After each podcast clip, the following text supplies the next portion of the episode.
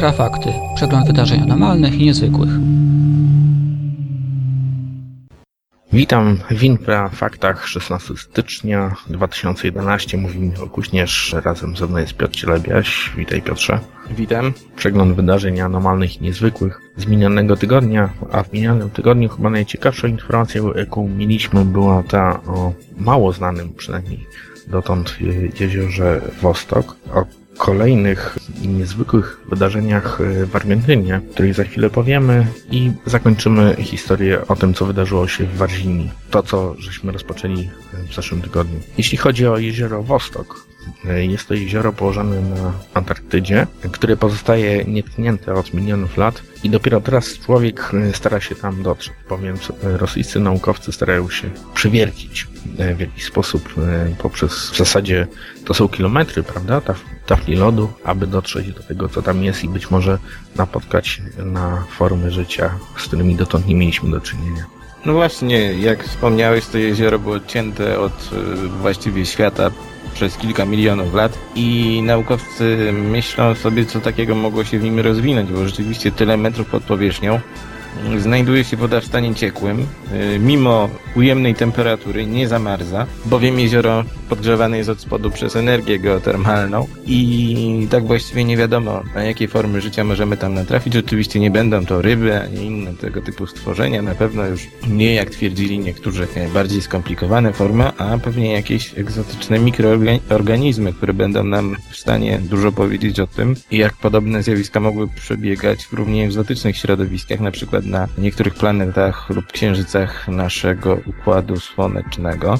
Co ciekawe, rosyjscy naukowcy przebijają się już właściwie do samego, do samych wód jeziora. Pojawia się tylko problem związany z ich zanieczyszczeniem, bo to jest jedyne jezioro słodkowodne do tej pory nietknięte ludzką ręką i właściwie w samym momencie zetknięcia się tego wiertła z wodą może dojść do, do skażenia jego wód. Tutaj pojawia się problem. Jego już w zasadzie ponoć rozwiązano, no i czekamy teraz, co się stanie, kiedy ten, to właściwie termalne wiertło stosowane w ostatniej fazie przebije się do, do samego Wostoku właściwie i może pozwoli odpowiedzieć na pytania, co przez tyle lat w sposób niezakłócony się w nim rozwijało.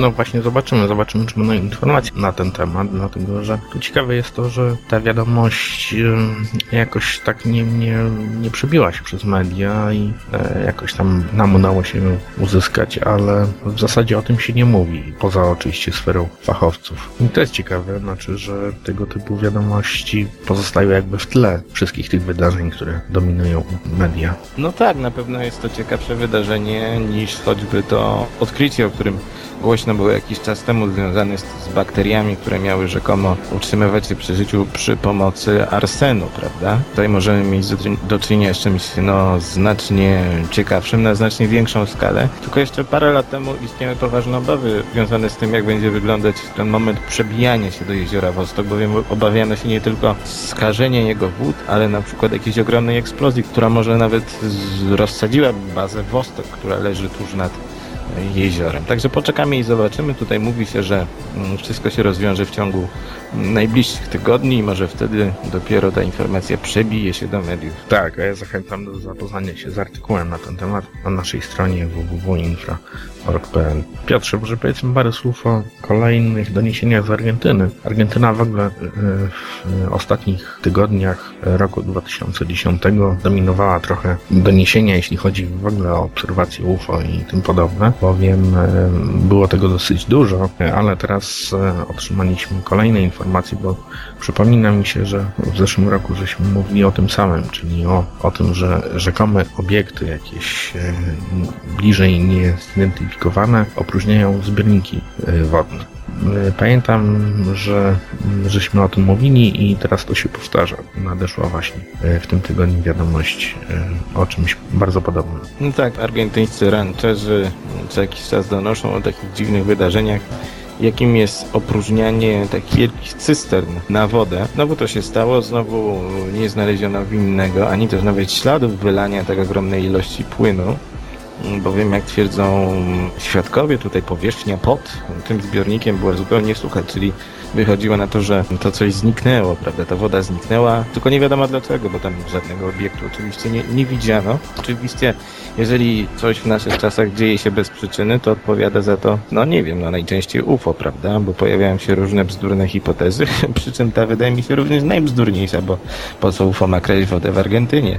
Mm, Natomiast jest to rodzaj chyba jakiejś takiej, mm, takiego ufologicznego folkloru, ufologicznej legendy, bo jeżeli przyjrzymy się tej Argentynie, o której mówiłeś, tam w ubiegłym roku miało miejsce około 300 przypadków obserwacji UFO, z czego właściwie mm, większości szczegółów nie znamy. Jest to kraj, w którym Oprócz tak ogromnej ilości spotkań z niezidentyfikowanymi obiektami ma miejsce wiele przypadków e, związanych na przykład z okaleczeniami bydła. Co chwila pojawiają się właściwie rewelacje z tego regionu i myślę, że możemy również ten przypadek opróżnień tych e, wielkich zbiorników z wodą zaliczyć do czegoś w rodzaju mm, specyficznego argentyńskiego UFO folkloru, bo powiem Ci, że nie spotkałem się chyba z podobnymi relacjami z innych krajów. No właśnie, to też taka argentyńska specyfika, ale zobaczymy, co przyniosą em, badania tamtejszych e, ufologów. No ale pozostając e, w Ameryce Południowej, my żeśmy w zeszłym tygodniu rozpoczęli, tak powiem, historię o tym, co wydarzyło się w brazylijskiej Warzinii w 1996 roku. Jeden z takich e, bardziej słynnych przypadków i jeśli dobrze pamiętasz, e, żeśmy go zakończyli na tym, e, na wstępie, że tak powiem. Znaczy mówiliśmy o, o tym, że coś ktoś obserwował, e, jakieś dziwne zjawiska, obiekty, natomiast później zaczęły napływać doniesienia o obserwacji dziwnych istot. I w zasadzie na tym żeśmy zakończyli i może powiedzmy troszkę więcej, co później się działo. No tak, w tamtym tygodniu wspomnieliśmy, że w Warzinii, właściwie w okolicach Warzinii, mm, para rolników, a wcześniej ponoć jakiś pan za, zaobserwowali przelot uszkodzonego obiektu. Dzień później, 20 stycznia 1996 roku, z Warzinii zaczęły dobiegać pierwsze relacje obserwacji dziwnych istot, które spacerowały sobie po jednej z leśnych dzielnic tego miasta, 120-tysięcznego. Jak się okazało, relacje te dostały się do Straży Pożarnej odpowiedzialnej za e, łapanie dzikich zwierząt. Strażacy rzekomo schwytali te istoty które następnie przekazane zostały do szpitali. Tam się okazało, że są to dość oryginalne humanoidy, prawda? Jak wspominaliśmy, takie dość niskie, o czerwonej skórze, wielkich czerwonych oczach i takich trzech mm, wyrostkach. No i największy problem mieli e, brazylijscy ufolodzy, którzy nie wiedzieli, co z tym robić, bo nagle okazało się, że mm, wiele osób coś widziało. Natomiast y, ci najciekawsi informatorzy nie mogli ujawnić swojej tożsamości z obawy na przykład o to, że stracą pracę albo że może stać im się coś nieprzyjemnego. I tak naprawdę Warzinia to jest jeden z najciekawszych przypadków niestety posklejany z anonimowych informacji. Co się okazało? Tych istot schwytano jakieś, no nie wiem, 4-5 Niektórzy mówią, że nawet do 8. Przekazane one zostały następnie do wojskowych placówek, niektórzy mówią, że do placówek badawczych. Tego nikt nie jest pewien. Natomiast to, co się potem stało, czyli jakieś próby oficjalnego wyjaśnienia ze strony armii czy, czy naukowców, spotkały się z taką hmm, dwuznaczną e, reakcją, bo z jednej strony zaprzeczano, natomiast z drugiej strony mm, pojawili się informatorzy, którzy mówili, że rzeczywiście mm, złapano w Barzinii coś no bardzo nietypowego. Nikt oczywiście nie mówił o kosmitach, natomiast pojawiały się relacje o tych przedziwnych humanoidach. No tak, to jest e, rzeczywiście przypadek niezwykły, ale też e, bym powiedział e, o dużym stopniu wiarygodności. Też bym powiedział o dużym stopniu wiarygodności na to, na świadków, prawda? Bo tutaj, tak jak mówiłeś, występowało wielu świadków, kilkudziesięciu przynajmniej. Oczywiście nie wszyscy mogli podać swoje dane personalne, bowiem byli to na przykład wojskowi. Ale to jest właśnie o tyle ciekawe, że tutaj e, brazylijscy e, ufolodzy spotkali się z, no, z czymś e, w zasadzie z,